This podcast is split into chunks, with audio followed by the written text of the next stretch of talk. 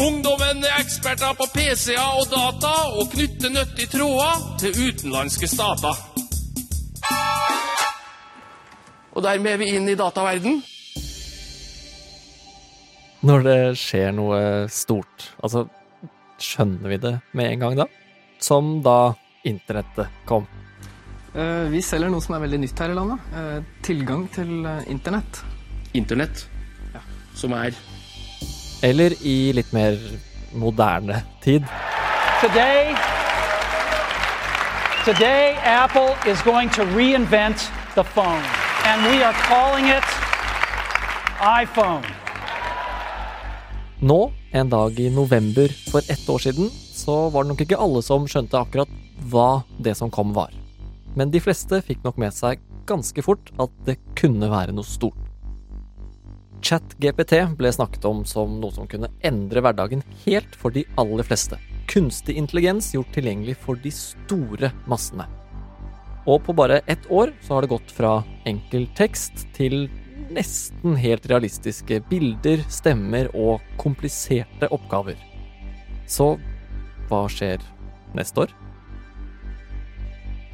Du hører på Forklart fra Aftenposten. Hver dag forklarer vi én nyhetssak og gir deg det du trenger for å forstå. I dag om hva ett år med ChatGPT har lært oss. Det er mandag 13. november, og jeg heter David Vekoni. Første gang jeg brukte eh, ChatGPT, som ikke het det, men som het eh, noe annet, eh, det var i 2020. Eh, og da skrev jeg et intervju som het 'Intervju med en kunstig intelligens', og jeg ble helt slått i bakken, fordi denne maskinen, den svarte jo som om den faktisk forsto det jeg snakka om. Per Christian Bjørkeng er teknologijournalist her i Aftenposten og har akkurat gitt ut sin andre bok om kunstig intelligens. Og jeg, jeg løp rundt til folk og ville fortelle dette her. Jeg hadde en sak i avisa, men ingen interesserte seg. Og nesten ingen leste heller dette intervjuet. Eh, og det som jeg ikke skjønte da, det var jo at folk må jo selv prøve dette her for å skjønne hva det egentlig er for noen ting. Eh, og det var det som skjedde i november i fjor. Folk fikk tilgang og kunne prøve selv, og ble sånne som sprang rundt og fortalte om hva de hadde opplevd. Umiddelbart begynte lærere å melde om elever som brukte ChatGPT til å skrive skolestiler. Og siden dette kom før jul og alle talerne trengte litt hjelp, så var det nok av taler fra gamle onkler som startet med Jeg tenkte jeg skulle la denne chat-PGT-en skrive årets tale for meg i år, da, så Ærede forsamling, god jul til dere alle. Dette året har vært Ja, du skjønner. Vi Forklart er kanskje også litt skyldige i å la oss rive med. Lag en intro til en episode av den norske nyhetspodkasten Forklart. Der, ja. Men vi gjorde det ganske tidlig, da, det skal sies. Og det er nesten litt rart å tenke på nå at for ett år siden så hadde vi ikke hørt om ChatGPT. Men i løpet av det året så har det skjedd veldig mye. Ja, en av tingene som eh, virkelig eh, har eh, utgjort en stor forskjell, det er jo at den har begynt å kunne lytte til deg og selv snakke tilbake. Så vi kan jo eksempel prøve å få den til å forklare litt uh, hva den selv kan. Her, kan du komme med noen anbefalinger til lytterne av podkasten Forklart? For lyttere av podkasten Forklart anbefaler jeg å utforske nylige gjennombrudd i kunstig intelligens, spesielt GPT4 og dens anvendelse. Når du hører på dette, så merker du jo hvor mye som har skjedd på dette feltet bare det siste året. Og en annen ting som har skjedd, er jo det at det er blitt mulig å klone stemmer til virkelige mennesker, sånn at man etterpå bare kan skrive inn på tastaturet hva man vil at stemmen kan si, da. Eh, og du trenger egentlig bare noen sekunder nå eh, med noens stemme, så plutselig kan du klone stemmen. Hmm. Welcome to KI Forklart, the daily news podcast from Aftenposten. Here's what else you need to know to enter the day. Nei, nei, nei, nei. Vi, vi begynner ikke med det der nå. Det er altså tjenesten Play HT som har brukt ca. ett minutt av stemmen min til å lage kanskje erstatteren min, da. Be quiet. So another important milestone, the last year, has happened when it comes to generating images. Altså, dette begynte jo egentlig da for litt over et år siden. Eh, da fikk du de første sånn noenlunde akseptable bildegeneratorene, da. Eh, og det som da kjennetegner for de som ikke har prøvd dette her, er jo at du bruker dine ord for å beskrive hva du vil ha laga på et bilde, og så lager eh, maskinen et bilde, da. Og for et år siden så var det jo fortsatt veldig tydelig. Du så for eksempel på hendene Ofte så fikk de for eksempel feil antall fingre. Siden den gang så har oppløsningen blitt enda bedre, sånn at man ser tydeligere, det blir enda mer overbevisende, og nå er det jo knappene på skjorta som er det egentlig det eneste vi kan klare å se dette her på. Hvis du virkelig zoomer inn på, på en sånn falsk eh, person, da, så kan du se det på sånne bitte små detaljer. Hvilke andre store ting er det som har skjedd da, i, i løpet av det første året etter at ChatGPT ble gjort tilgjengelig for alle? Ja, det er jo veldig mye, da, men det kanskje viktigste var jo at denne modellen GPT4 eh, kom i mars, som er da en, den andre eh, motoren i ChatGPT, kan du si, som er en mye mer avansert. Eh, og samtidig så har jo dette da blitt noe som du må betale for, og som kanskje de færreste egentlig har, har prøvd, men forskjellen er veldig stor. Det står fast fortsatt. Men så har jo konkurrenter kommet.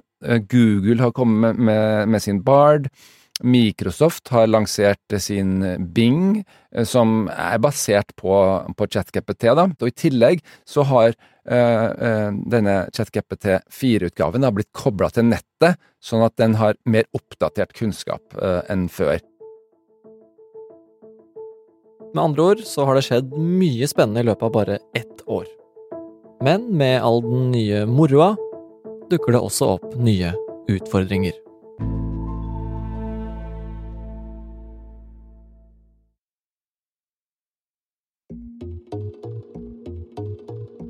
Det er liten tvil om at det er mange som har hatt mye moro, og litt cringe, med KI-modeller det siste året. Men det er ikke alt som er like gøy.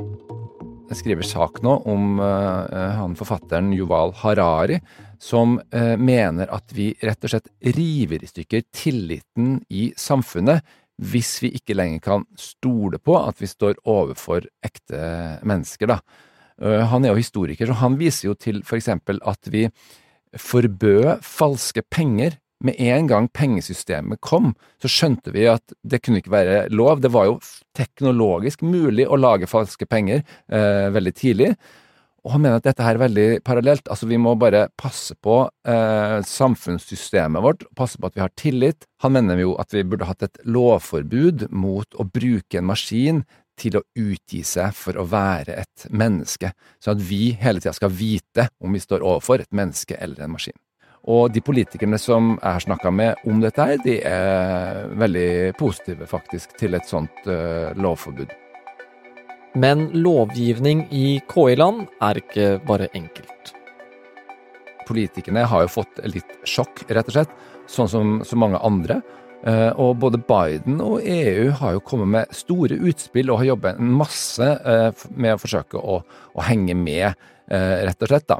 EU e er jo de som har vært ledende på dette feltet. De har noe som heter AI Act, som var underveis, men som dessverre ikke var forberedt på dette gjennombruddet som, som det kalles gjerne for foundational models, altså sånne store språkmodeller. da. Eh, så nå må da politikerne løpe rundt og tenke nytt, og det er det som skjer i, i, i Brussel nå, og vi vet ikke helt hvordan dette skal løses. Og det er ikke bare det som kommer ut av KI-modellene som det har vært utfordringer med. Nå er det også flere som har prøvd å begrense hva som mates inn, altså alt det som KI-modellene baserer svarene sine på. Både i musikkindustrien og blant forfattere så er det flere som har saksøkt KI-selskaper for at de har trent modellene sine med deres materiale.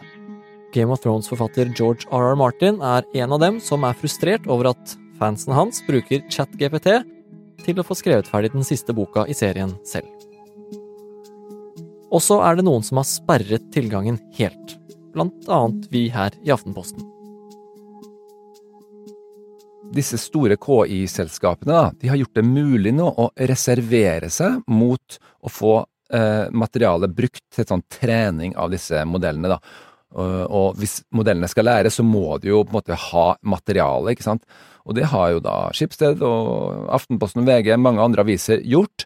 Eh, og man kan si at dette er jo forståelig, for for disse modellene de kan jo se bak en sånn betalingsmur, og de kan levere innhold som du ellers måtte mm, eh, betalt for, ikke sant. Og vi som sitter i dette rommet her, vi lever jo av at eh, mange av de som lytter på, og de som leser oss, eh, faktisk eh, betaler for det, ikke sant. Um, så det er jo et legitimt behov, men på en annen side da, så gjør det at nødvendigvis at eh, kvaliteten på de fremtidige modellene da kan bli dårligere. Hvis de f.eks. ikke er trent på Aftenposten og VG, da, så, så, vil de jo gå glipp av en viktig del av det som skjer i norsk uh, offentlighet. Så, uh, og, og, hvis ingen utgivere tillater dette her, så, så, vil jo disse modellene bli mye mindre anvendelige. I hvert fall på uh, den typen nyhetsstoff som vi snakker om her, da. Og så var det denne KI-revolusjonen som vi ble lovet, da. Det er jo mye gøy man kan gjøre med ChatGPT og andre KI-modeller, men har den egentlig endret alles hverdag drastisk? Det har den jo ikke gjort, men den har også bare vært her i et år. Eh, og eh, på et sånt stadium som vi er nå, så tenker jeg at det er lett å tenke at siden liksom ikke alt er endra og snudd opp ned, så har det egentlig ikke skjedd noen ting. Men husk at 92% av alle de største selskapene i USA nå bruker eh, ChatGPT-teknologi eh, internt, ikke sant. Det er nesten alle.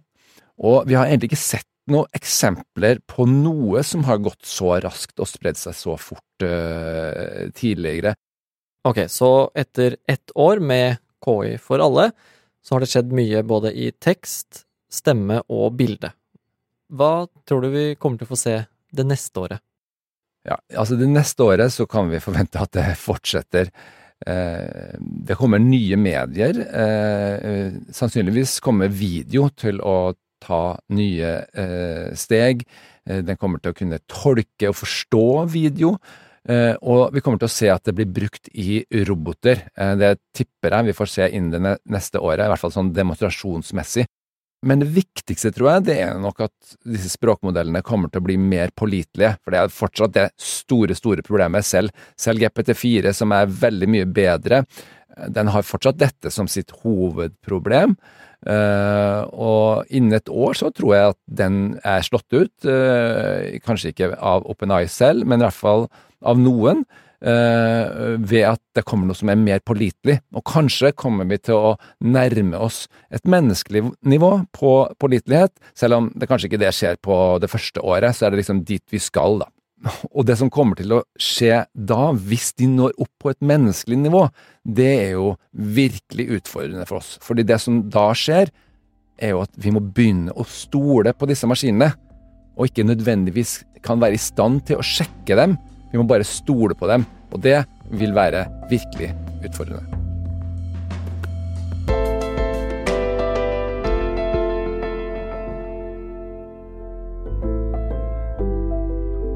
Du har hørt en podkast fra Aftenposten.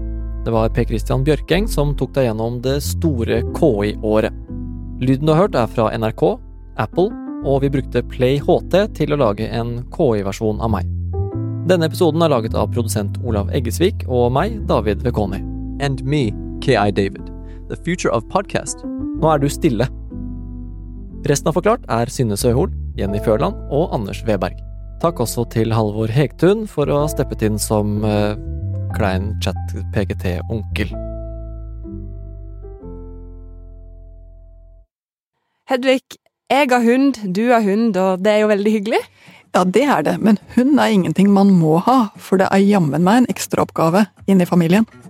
Så hvordan skal du egentlig sjonglere barn og hund? Er det lurt å ha hund i en barnefamilie?